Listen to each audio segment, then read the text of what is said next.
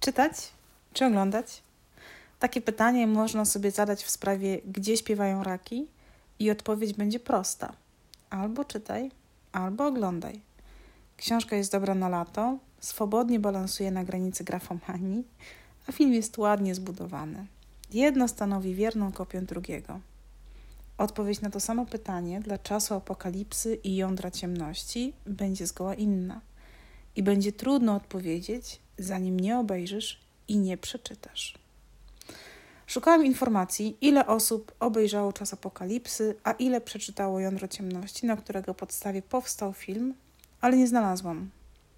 Ze statystyk wiem, że dla dzieła Kopoli dwa lata postprodukcyjne upłynęło na montażu filmu z około 300 km taśmy i że zajmuje on 12 miejsce na liście Greatest Films by Quentin Tarantino. Film jest opisany na tak wiele sposobów, że mój nie doda wiele na jego temat. Na przykład, jakie zegarki nosili głównie bohaterowie Shin i Brando. Dla zainteresowanych było to odpowiednio Seiko i Rolex. Albo kto miał zawał na planie. Albo kogo produkcja filmu doprowadziła na skraj ruiny psychicznej. Mam wrażenie, że połowa internetu jest zagospodarowana przez zakulisowe informacje o czasie apokalipsy. Każdy, kto oglądał, wie, że tego sensu trzeba doświadczyć świadomie, co najmniej raz na życie. Ale ja chciałam się na chwilę skupić na jądrze ciemności, którego bohater płynie w górę rzeki Kongo parowcem, tak jak Shin łodzią wojskową po rzece w Indiochinach. Konrad nie boi się, powiedzmy, opisu różnorodności perspektywy. Gdy postrzelony przez tubylców młody sternik parowca umiera na oczach głównego bohatera, ten najbardziej martwi się tym, że krew chłopaka poplamiła mu buty.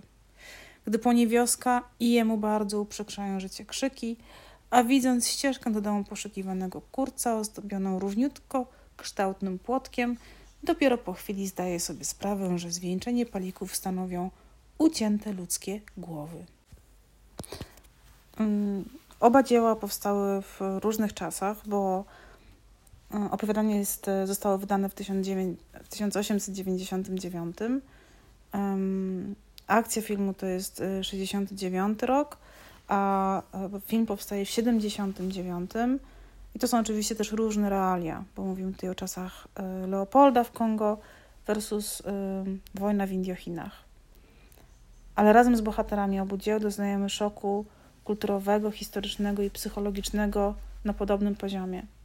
I wspaniale się czyta Konrada, którego opowiadanie jest niesamowite, bo wwierca się w uniwersalne rozważania o dążeniach, rządzach, myśleniu o rzeczywistości, szukaniu sensu i tym, co konstytuuje człowieczeństwo.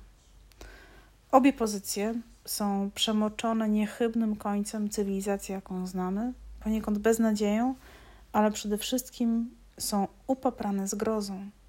I tak samo aktualne i epickie będą za kolejne 70 i 80 lat. Polecam.